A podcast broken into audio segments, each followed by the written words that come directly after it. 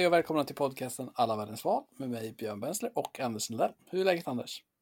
Ja, men det är strålande. Idag ska vi ju för första gången till ett land där utgången i valet är oviss. Och det känns väldigt kul. Vi ska nämligen till Ecuador som har val den 7 februari. Och vad väljer vi till då? Ja, vi har tre olika val. Vi har president, parlament och Andernas parlament i princip. Men eh, om vi ska börja med president då, vad gäller för, för regler där? Jo, presidenten väljs i ett system där, där man eh, i första valomgången så är det så att det, vanligtvis så behöver man ju ha 50 för att vinna i första valomgången. Det behöver man inte i, i Ecuador, utan har du 40 så kan du vinna så länge ingen av dem, så länge du har en marginal ner till, till tvåan på 10 det, det är liksom den huvudsakliga vägen. Om du inte har det så kommer vi gå till, till en andra valomgång. Eh, det man kan säga om alla val är att det är lite lägre rösträttsålder än vad vi är vana vid och det är obligatoriskt att rösta för alla mellan 18 och eh, 65. Och vad det betyder kommer vi kanske återkomma lite till. Ja, jag, jag vill ju infika att jag tycker att den här 40% grejen är skitsnygg i presidentvalet. Och det känns som ja. en grej som gör att man undviker, ja det blev 48 procent, han måste köra ett runoff, alla vet som kommer vinna. Så jag gillar den. Mm. Ja, men det är, en, det är en snygg liten konstitutionell detalj kan man säga, för finsmakare. Uh, och jag vet inte om det här är snyggt, men man har ju, de har ju inte ett rakt igenom simpelt system för att välja parlament heller. Jag är glad att du ska dra det. Ja, man har ett enkammarparlament. Man kan säga att um, det väljs i tre steg. Det första steget är så som till exempel Uganda som varit det tidigare, alltså enmansvalkretsar. Alltså att i, i olika distrikt så väljer man en, en person. Och det, så väljs eh, ungefär 100 av ledamöterna. Sen har vi ett, ett antal ledamöter som väljs i ett, i ett proportionellt val för hela landet. Alltså en, en, en lista där partierna får en proportion av rösterna. Och sen har vi en tredje andel, och det är bara några stycken, det är sex ledamöter i parlamentet. De väljs av exil-ekvadorianer. Så att det finns tre sätt att komma in i parlamentet. Men de allra flesta väljs i enmansvalkretsar. Så det är det enkla sättet att förstå det. Då tar jag hand om Andernas parlament mm. som är liksom den delen av världens mini-EU. Det består av Bolivia, Colombia, Ecuador, Peru och sen 2015 Chile. Och eh, det är direkt våra ledamöter från Ecuador som sitter där. De skickar dit fem pers tror jag. Och det är liksom ett mini-EU. Det strävar till harmonisering om lagstiftning inom vissa områden och sådär. Så det är ett ganska obetydelsefullt val. Om man ska ranka de här så är ju president the big one, parlament superviktigt och det tredje är ja, ganska oviktigt. Ja, precis, för presidenten är ju inte här som i, som i senaste avsnittet när vi var i Portugal, någon slags ceremoniell roll, utan det, det har ju väldigt stor betydelse vem som är president. Ja, det, det är det man vill vara helt enkelt.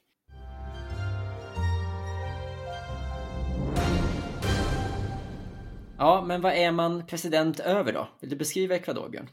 Ja, jag kan inte säga att jag kan jättemycket om Ecuador, men eh, jag vet ju att det är ett av få länder som har, eh, finns på två sidor av ekvatorn.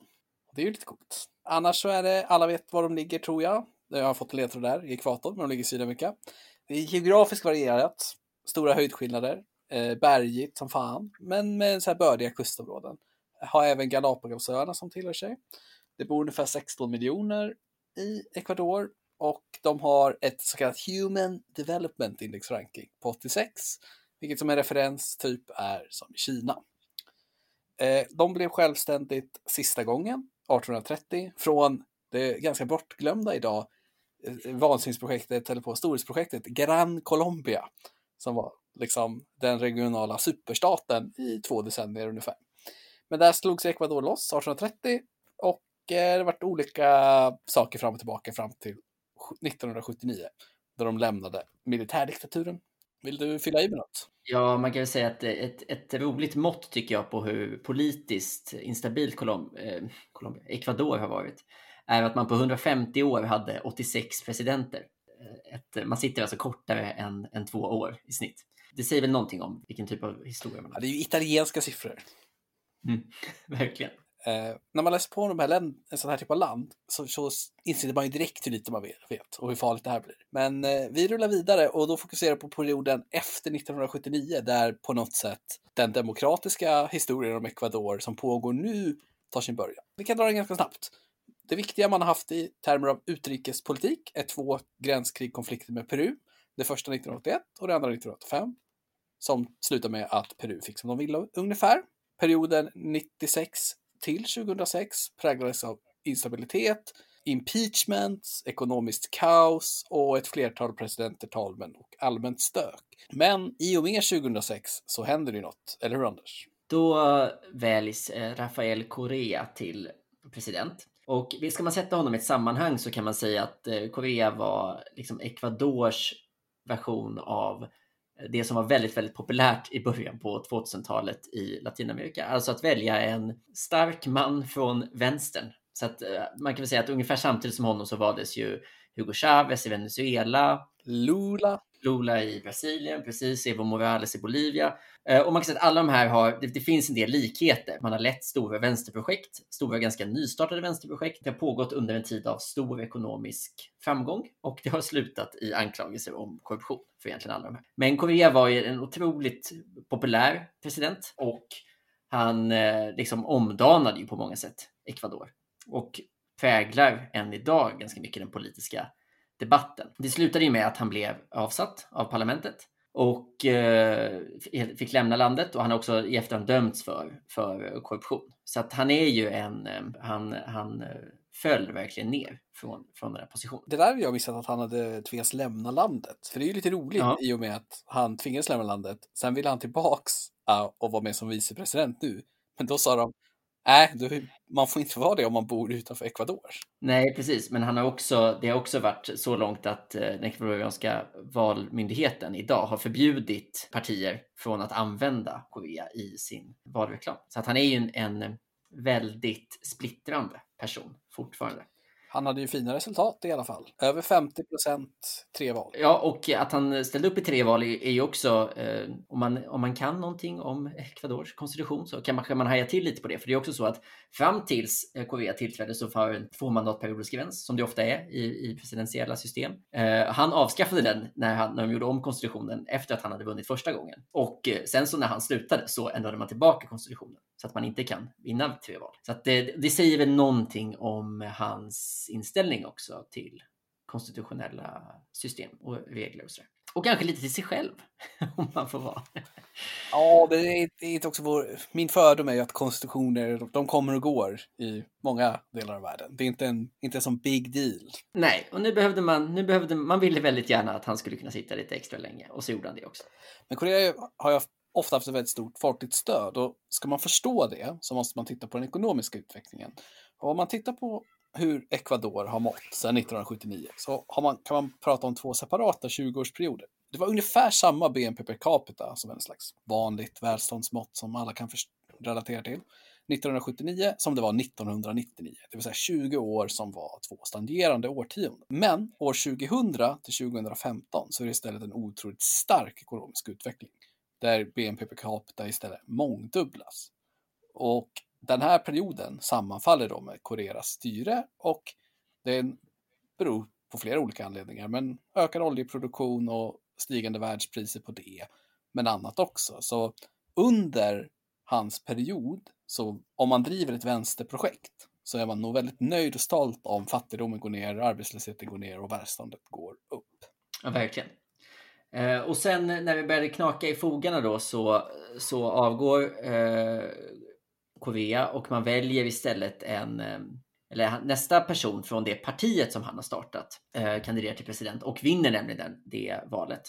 Och det är då personen med det otroliga namnet Lenin Moreno. Och det är inte så att Lenin är ett vanligt förnamn i, i Ecuador, utan eh, han heter Lenin efter Lenin helt enkelt. Han heter Voltaire i andra namn.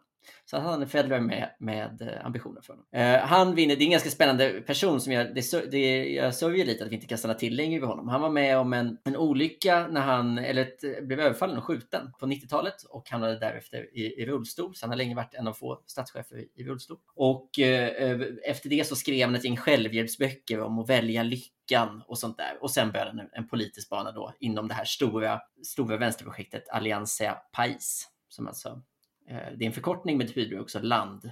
Men Lenin Moreno vinner i alla fall eh, valet. Han är sittande president idag och liksom ett sätt att tolka Lenin Morenos gärning är liksom att han, han tog över efter Korea och sen så har han behövt städa upp lite. Så att medan Korea kunde göra ganska snygga markeringar mot till exempel internationella valutafonden så, så fick Korea lite vara den som bara okej, okay, men nu kanske vi ska börja betala tillbaka lite lån och gå med på lite av de här avtalen som vi Korea, han förklarade väl typ statsskulden som olaglig och grejer. Nej men precis, de, de har haft lite olika. Linne Moreno var den, han har, han har liksom försökt glänta lite på, eh, på det där. Det är väl, vill man vara förlåtande mot honom så kan man ju säga att han eh, på något sätt har behövt göra en del saker som Korea hade känt att han, be, han behövde göra. Men det är inte så många som har varit förlåtande mot Linne Moreno, utan nu eh, står det tydligt att han kommer inte kandidera igen här var det ju väldigt spännande för mig att läsa på då, som sysslar lite med undersökningar.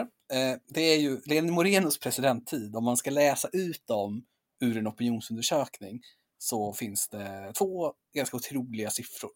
Vi börjar med siffran som är ganska vanlig att man ställer i opinionsundersökningssammanhang är ju, tycker man att utvecklingen i landet går åt fel eller rätt håll? Och I maj 2017, det vill säga när Lenin Moreno ungefär har tillträtt, så tyckte 48 procent av ekvadorianerna att utvecklingen gick åt rätt håll. 31 procent sa att den gick åt fel håll. Eh, ett år senare så var vi uppe på 53 procent fel håll. Och spolar fram till maj 2020 så uppgav 91 procent att landet var på väg åt fel håll och 5 procent att landet var på väg åt rätt håll. Det är en tämligen otrolig opinionsutveckling som är... Man kan ju förstå att stackars Lenin Moreno inte har valvinden och läget för ett andra mandatperiod när 91 procent tycker att landet är på väg åt fel håll. Eh, hans egna, vad säger man, approval numbers säger man på amerikanska, men eh, personstödssiffror. Eh, ja, eller förtroendesiffror. Förtroendesiffror, precis. Eh, var 66 procent approval när han tillträdde, det vill säga maj 2017. Ett år senare så låg han på 46-46 procent, det vill säga lika många som stödde som inte hade förtroende. Men i maj 2020 så var det 81 procent disapprove och 16 procent approval. Så politiskt har ju stackars mm. Lenin Moreno haft sämre siffror än den riktiga Lenin kanske. Ja, och det är väl eh, det är väl bra för honom att han har haft en karriär som självhjälpsbokförfattare. Jag kan nog behöva de erfarenheterna nu. Ja, det har också varit, och då kan man också säga att så här, för att återknyta till anledningen till att de här siffrorna är som det är lite, det är om man tittar på den ekonomiska utvecklingen efter 2015. Och där var det ju väldigt mycket fin utveckling fram till dess. Så har den ju gått rakt åt andra hållet i, igen istället. Mm. Så andelen fattiga i Ecuador, de, och, och det definierar man nog i det här fallet som under 5,5 dollar per dag i intäkt, kan fikas in, ökade från 26 procent av befolkningen till hisnande 58 procent på bara sex månader mellan december 2019 och juni 2020. Sammanfaller såklart med corona och andra saker, men mm. arbetslösheten fyrdubblades under samma period och flera makroekonomiska indikatorer har gått väldigt mycket åt fel håll. Och det sammanfaller ju då såklart med hans, hans förtroendesiffror.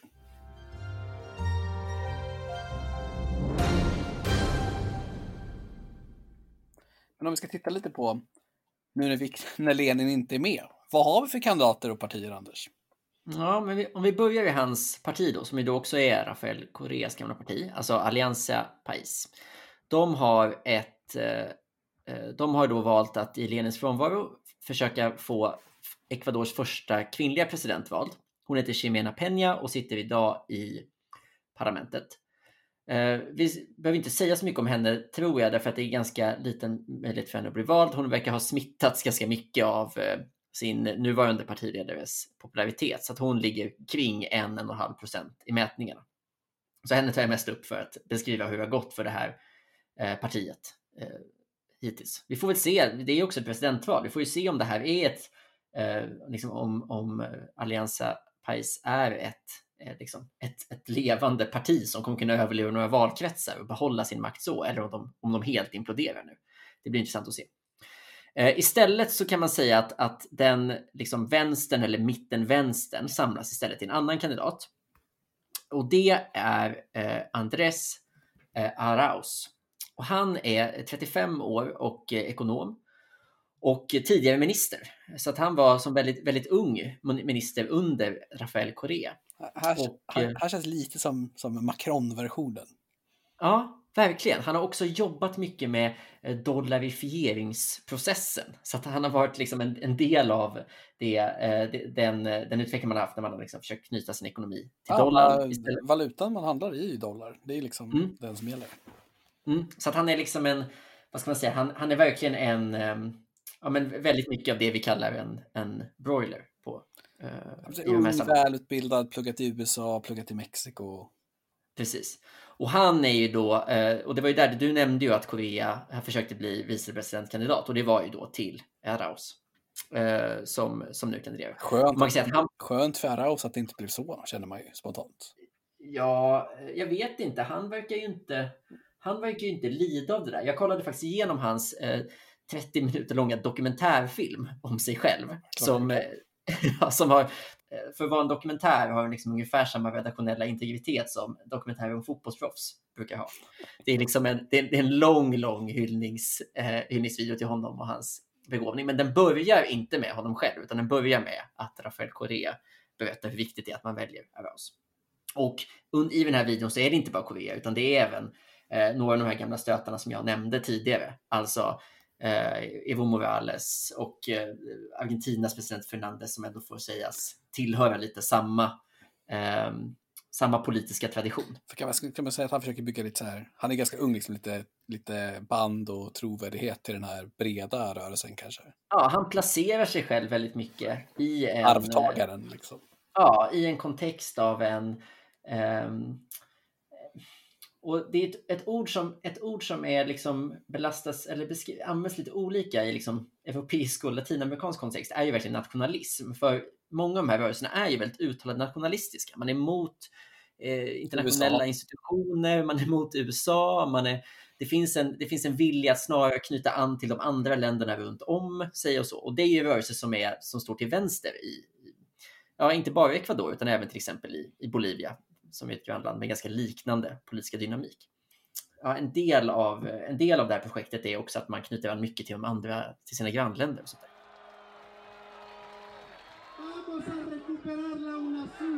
Vamos a recuperar la integración. Pero no solo entre los gobiernos, no solo entre los estados. Querido Evo, necesitamos también la integración entre nuestros pueblos, entre el movimiento social, de toda nuestra América. ¡Allá Bolivia! ¡Allá Ecuador! ¡Allá nuestra América Unida!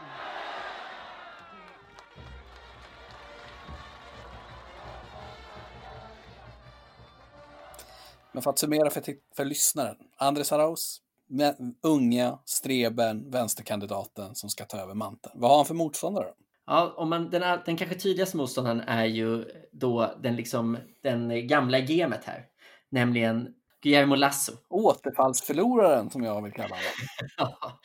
ja, och Lasso är en, en liksom, också, även han ekonom, men kanske mer ekonom i liksom, storkapitalet. Han har, han har jobbat på bank, han har varit minister på, på 90-talet under under en, en högerregering som, som styrde då. Och sen så har han nu förlorat, är det två eller tre val? Ja, jag tror att han har förlorat, jag vet att han har förlorat två, men jag för mig att han har förlorat tre. Ja, så att han, eh, han, har liksom, han har varit en konstant i det här ganska turbulenta eh, politiska landskapet. Har man ändå haft Guillermo Lasso där som, är, ja, som bedriver högerpolitik.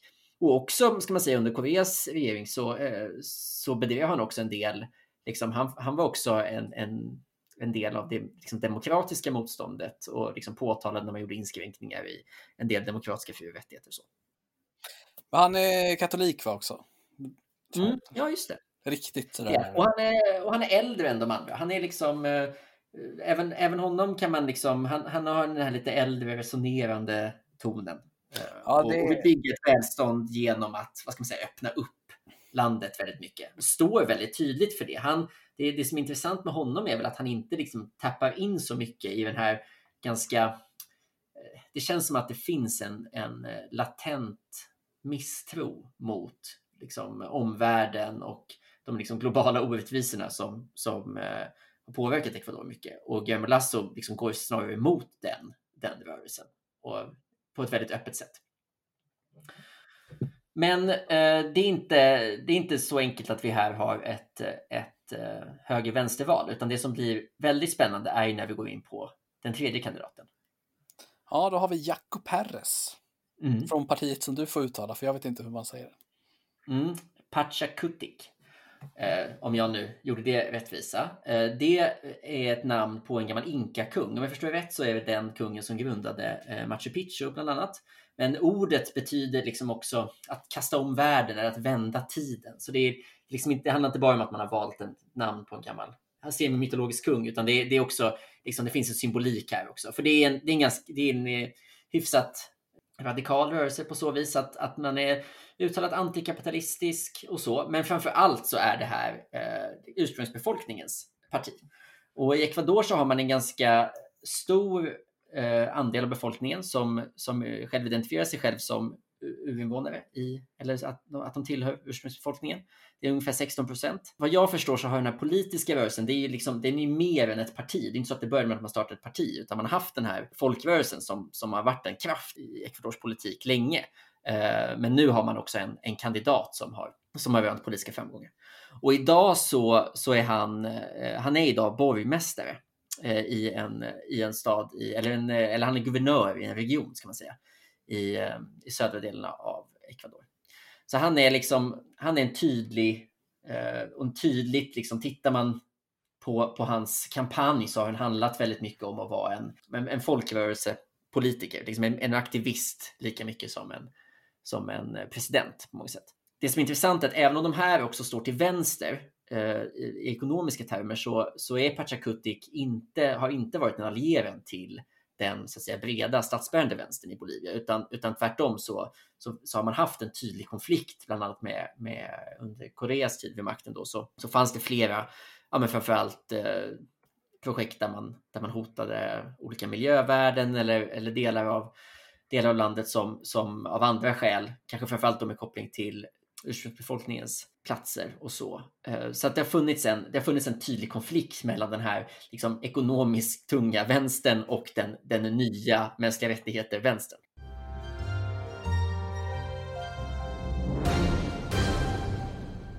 Ja, men om man då ska gå över och titta lite på vilka frågor är det som är stora i opinionen och vem är det som ligger bra till för att vinna? För opinionsundersökningar, det görs det ju. Jo, tar man en snabb titt på det som kanske är intressantast i sådana här sammanhang, det vill säga vilka frågor ligger högt på dagordningen, så är det ganska intressant att titta på dem. För det är ju tydligt att det är frågor om korruption, arbetslöshet och fattigdom. Och de frågorna är ju laddade. Framförallt korruption finns det ju mycket att säga om, eller hur? Ja, verkligen. Dels har det ju varit en, en, haft en stor inverkan på, på partiet. Men det är också så att det är en av de, när man tittar på till exempel bedömningar av hur demokratiskt Ecuador är och så, så, så är ju oförmågan att hantera korruption en sån sak som drar ner landets betyg. Ja, och som vi nämnde tidigare så det här med liksom den ekonomiska utvecklingen och så förklarar ju varför frågor om anställning och eh, försörjning är så viktiga. Men en annan intressant grej man lär sig av opinionsundersökningarna ligger i, i linje med det som Anders kanske nämnde först i programmet, att det är obligatorisk rösträtt. Eller så här rösttvång säger man väl. Mm. Och det är att intresset är fruktansvärt lågt för valet. Alltså så här otroligt lågt. Ungefär 30-40 procent säger att om de inte var tvingade att rösta så hade de inte röstat. Och det oerhört låga intresset speglas också i att det var slutdebatter för någon vecka sedan. Sågs bara av knappt 25 procent av väljarkåren. Och det här ointresset av valet ligger ju då som en våt filt över de opinionsundersökningar om vem som faktiskt leder. Mm. För vad har vi för ställning där egentligen? Ja, det är omöjligt att veta. Jag trodde ju när vi, när vi försökte sammanfatta det här för varandra, när, precis när vi skulle börja så hade vi helt olika bild. Jag trodde ju att det var Arauz som ledde och att han har haft en hyfsat stabil ledning. men ja, men det... så fick vi veta av dig att det inte stämmer. Alltså det som är bortom alla tvivel, det är att Jaco Perez ligger trea. Mm. Och, ja, varken, precis, varken mer eller mindre. Ja, han, ligger han har stabila typ 10-15. Han ligger typ på 12 procent exakt. Uh, och, och, det finns ingen annan kandidat bakom honom som, som är relevant. Utan han ligger trea. Men frågan är vem som ligger etta eller tvåa. För det finns flera undersökningar som visar, visar att Arauz leder. Och det finns flera undersökningar som visar att Lasso leder. Det som alla undersökningar dock pekar på är att det troligtvis blir en andra valomgång. Ja, precis. För trots den här lite smidiga lösningen att en, en kandidat med 40 procent kan vinna så kommer ingen ha 10 procent ner. Nej, precis, utan de verkar vara väldigt jämna. Men Mm. när jag läser undersökningarna så verkar det som att 40 procent inte har bestämt sig eller inte tänker rösta. Och det påverkar, så det, den, den kandidat som har högst procent är blank röst. Mm. Och det säger ju att det finns en stor sannolikhet att mätningarna kanske inte ligger helt rätt här. För det är ju trots allt de som går och röstar som avgör vem som blir president. Det är intressant på något sätt med det här ointresset för att samtidigt så känner man ju att så här, man har präglats väldigt mycket av den ekonomiska utvecklingen. Det har påverkat människors liv på riktigt. Och man hade en president som var president samtidigt som, som det var väldigt högt. Och hans makt är uppenbarligen så stor att hans gamla utbildningsminister kan starta ett helt nytt parti, bryta sig loss och ändå få 30 procent i, i mätningarna. Det känns ju som ett väldigt potent och levande politiskt klimat där man har det så. Men det kanske bara är så att det finns ungefär 30 procent av befolkningen som verkligen eh, brann för Rafael Correa och hans projekt.